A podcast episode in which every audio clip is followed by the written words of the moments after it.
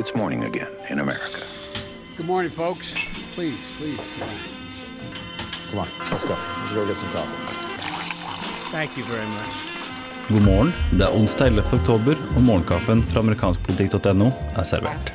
Siden januar så har president Donald Trumps såkalte disapproval rating, dvs. Si andel amerikanere som vender tommelen ned til den jobben han gjør, den har da økt i hver eneste amerikanske delstat. Og økningen i disapproval, eh, den minste økningen, er da på 9,6 prosentpoeng i Alabama, helt opp til 18,8 økning i disapproval i Illinois. Eh, og blant delstatene han vant i 2016, eh, som ligger nå Trump med en disapproval på høyere enn 50% i Michigan, Wisconsin, Iowa, Arizona og Pennsylvania. Det er ett av mange tegn på at uh, Trump sliter litt uh, om dagen, og en av de uh, sakene som det skrives mye om i disse dager, er jo Trumps forhold til sine egne i Kongressen. og i går så sa da pressesekretær Sarah Huckabee Sanders at Trump ikke har dytta sine egne unna, eller at han har bidratt til noen splittelse i det hele tatt. Det er det Kongressen selv som har gjort, sa hun, fordi de ikke har klart å bli enige om noen ting og sende ting til hans bord for signatur. Eh, det er jo en fin eh, måte å skrive om 2017 eh, på. Men Sarah Huckabee Sanders hun hadde også en annen uttalelse i går.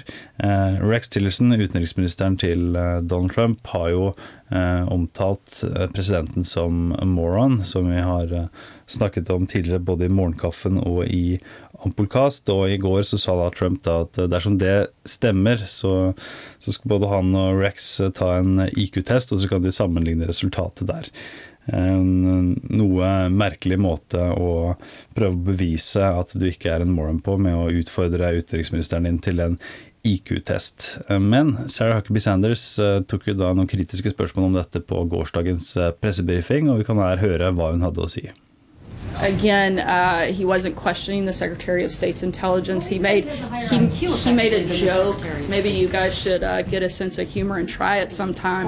But um, he simply made a joke. He's been extremely clear, time and time again, despite the fact that you guys want to continue to bring this up and create a story. He's got 100% confidence in the Secretary of State. He said it uh, multiple times over the last. Det var bare en vits. Forsvaret til Sanders er jo noe som kan brukes på på ganske mye eh, som Trump eh, har sagt eh, den siste tiden. Og det er jo om ikke annet en effektiv måte for Trumps pressetalskvinne å, å prøve å endre tema og prøve å komme seg ut av en situasjon uten å si veldig mye om det faktiske innholdet i det Trump sa. Dagens utgave av Morgenkaffen er servert av Lene Marita Berg Herman og undertegnede Are Togflaten. Du finner oss i Spotify og andre podkast-apper sammen med Ampullkast. Nå ligger episode 91 av Ampullkast og venter. Der snakker vi om noen av disse temaene som jeg har vært inne på her. Eh, bruker en god del tid på den republikanske borgerkrigen. Eh, Bob Corker mot Donald Trump.